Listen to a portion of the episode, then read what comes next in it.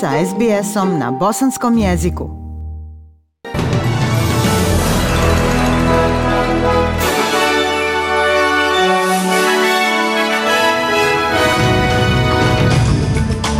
U današnjim vijestima poslušajte. Broj mrtvih nastavlja rasti u šest američkih država nakon katastrofalnog tornada.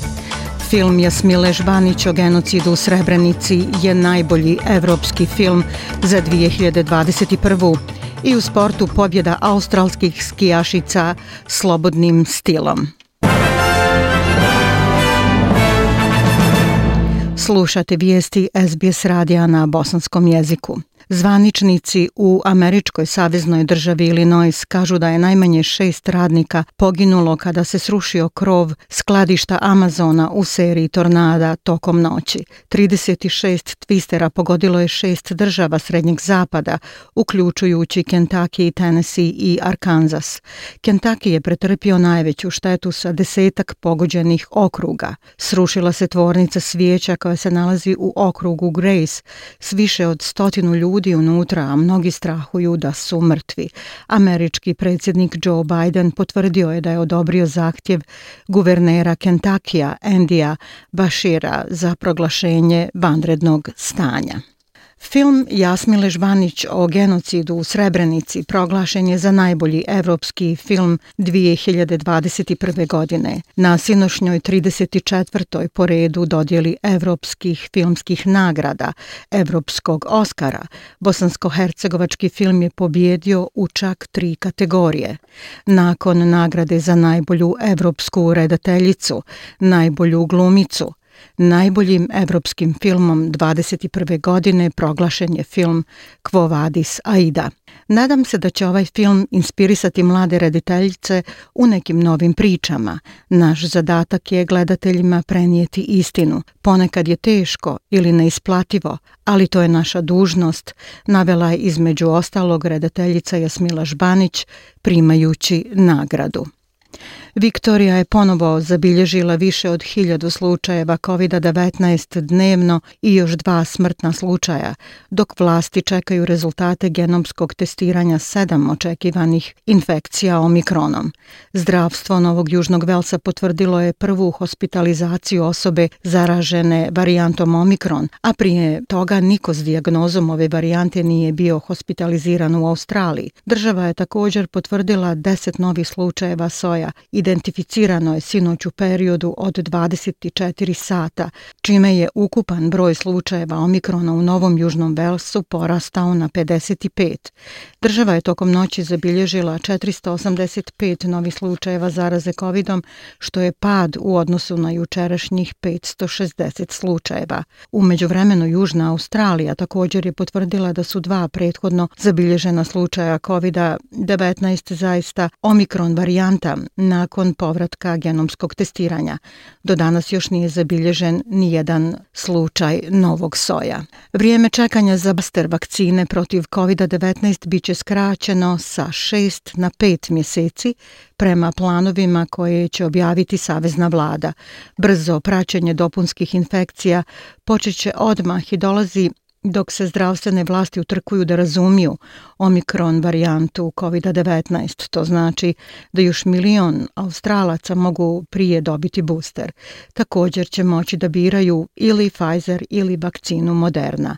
Savezni ministar zdravstva Greg Hunt i sekretar odjela za zdravstvo Brandon Murphy primili su dopunske vakcine protiv COVID-19 danas a premijer Scott Morrison ima za cilj kandidovanje nezavisnog kandidata na predstojućim saveznim izborima rekavši da su oni samo glasovi laburista i zelenih koji se kandiduju samo na liberalnim mjestima, podržani velikim novcem.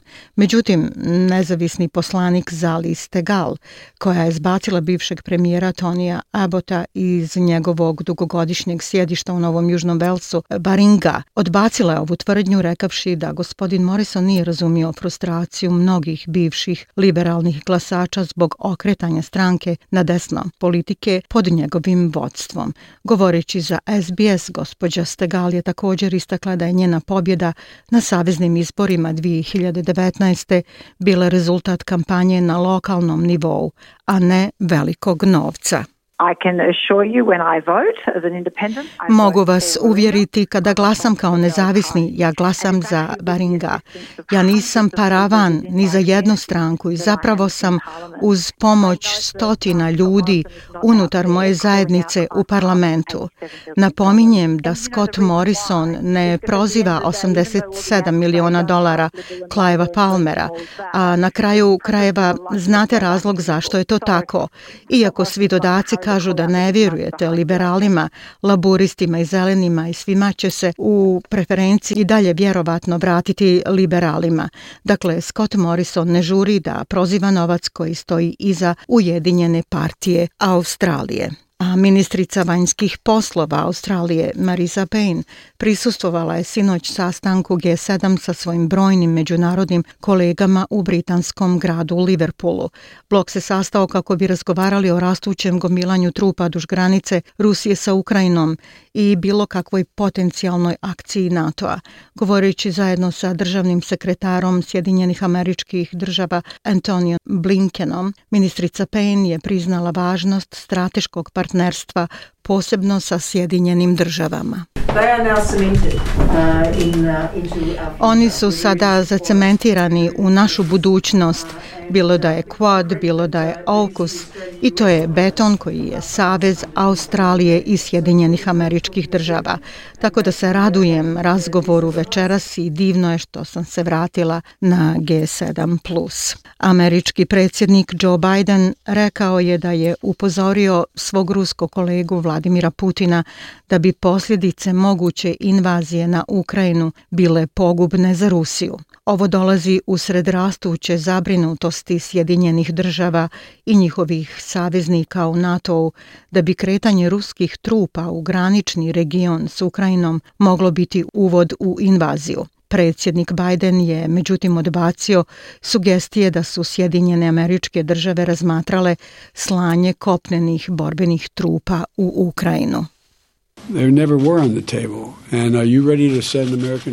Prijedlog nikada nije bio na stolu. i jeste li spremni poslati američke trupe u rat i otići u Ukrajinu da se borite protiv Rusa na njihovom bojnom polju.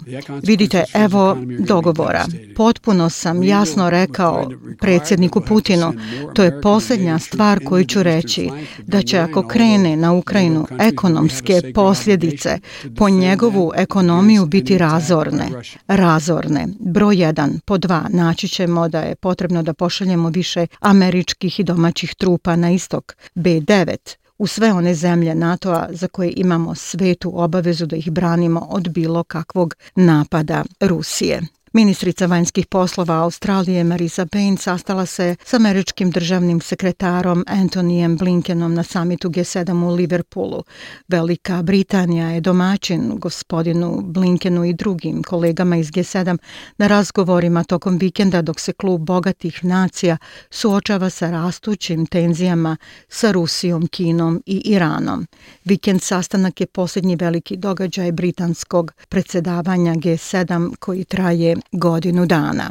Advokati Juliana Assangea namjeravaju iznijeti njegov slučaj na Vrhovnom sudu nakon što je Viši sud u Velikoj Britaniji presudio u korist izručenja osnivača Wikileaksa Sjedinjenim američkim državama. Gospodina Assangea traže u Americi zbog navodne zavjere pribavljanja i otkrivanja povjerljivih informacija nakon što je Wikileaks objavio stotine hiljada dokumenata koji su procurili u javnost, a u vezi s ratovima u Afganistanu i Iraku. Vlasti Sjedinjenih američkih država pokrenule su žalbu Višem sudu na januarsku odluku tadašnje okružne sudkinje Vanese Barajcer da Assange ne bi trebao biti izručen zbog, kako je navela, stvarnog i opresivnog rizika od samoubistva.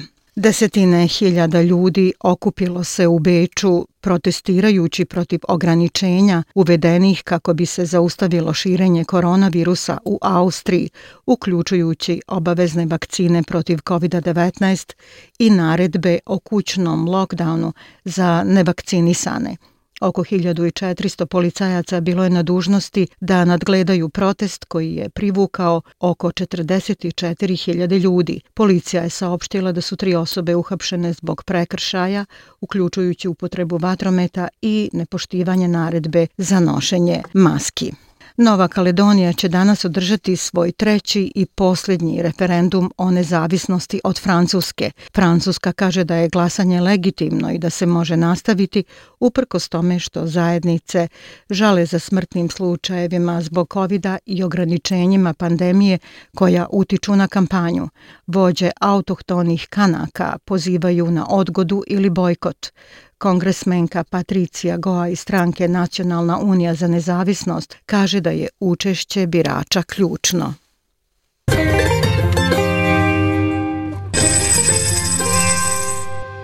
Prema kursnoj listi australski dolar danas vrijedi 0,71 američkog dolara, 0,63 eura, 0,54 britanske funte te 1,23 bosanske konvertibilne marke.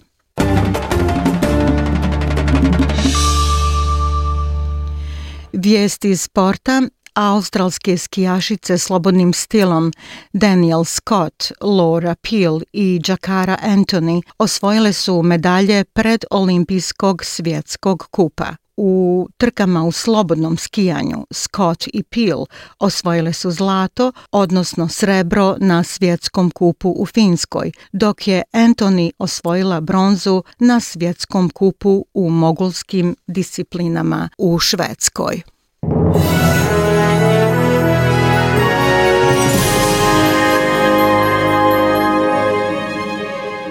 Na kraju vijesti poslušajte temperaturne vrijednosti za veće gradove u Australiji.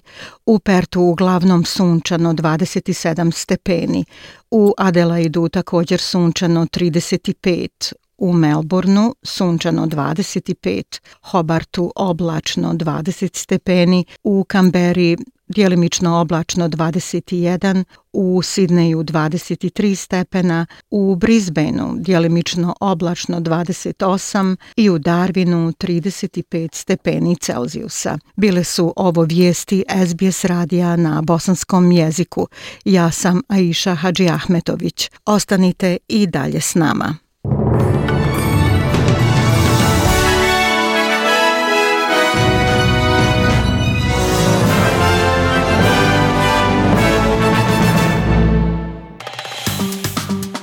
Like, share, comment. Pratite SBS Bosnian na Facebooku.